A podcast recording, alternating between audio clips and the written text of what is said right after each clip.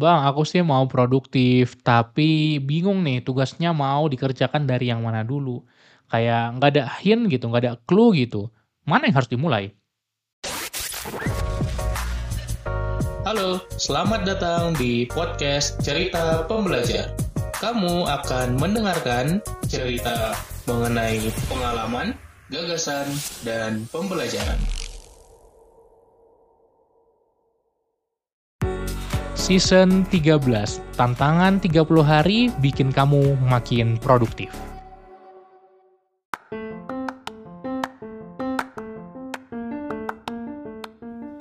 Halo, halo, halo. Kembali lagi di podcast Cerita Pembelajar bareng gua Umar. Dan kita masuk ke hari ke-18 dari tantangan 30 hari untuk jadi lebih produktif. Kalau kamu mau mulai dari hari pertama, silahkan ke episode 351. Kali ini kita akan membahas tentang bagaimana cara kita mau beresin tugas, tapi bingung mulai dari mana. Sistemnya sebenarnya sederhana. Kita perlu membagi sebuah tugas menjadi tugas-tugas kecil atau kita sebut dengan istilah chunking. Kita membedah, memecah, mencacah tugas menjadi tugas-tugas yang kecil.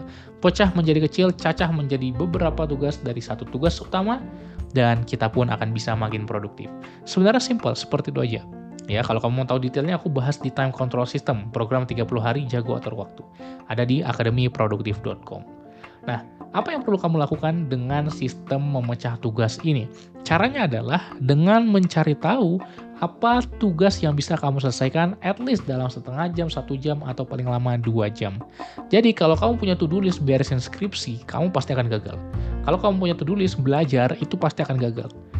Kamu perlu punya tugas yang dimulai dengan kata kerja dan jelas kapan dia selesai. Sebagai contoh, beresin skripsi, itu nggak jelas banget gitu ya. Skripsian itu udah nggak dimulai dari kata kerja bahkan kita nggak tahu gimana cara ngerjainnya. No. Kalau kamu masukin skripsian di kalender itu namanya time boxing bukan time blocking. Time boxing juga ada sistem ini bagus tapi kalau kita nggak bahas di episode kali ini kita perlu fokus ke time blocking sekarang.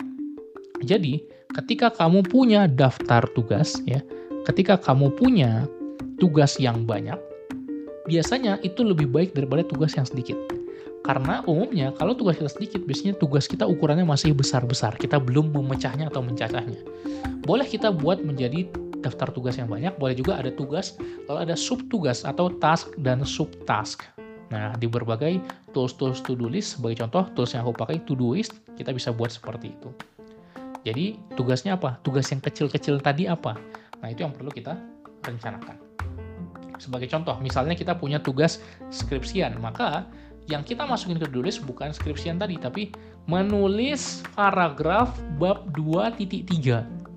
Seperti itu. Supaya kita tahu ini selesainya kapan ketika beres. Di awal dengan kata kerja menulis. Oke. Okay? Membuat data rekapan dalam format Excel contohnya. Jelas, spesifik. Menyelesaikan analisis data bab 2.7 Artinya, ketika kita punya daftar tugas yang sangat-sangat spesifik, kita akan menyelesaikannya dengan sangat-sangat baik karena kita tahu apa standar ukur berhasilnya.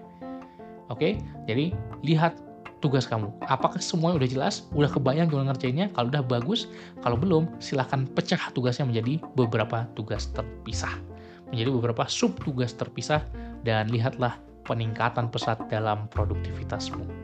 Semoga bermanfaat. Sampai jumpa di episode berikutnya. Jangan lupa follow di Spotify, berikan rating, dan bagikan di IG Story. Tag aku at pembelajar produktif. Thank you. Salam pembelajar.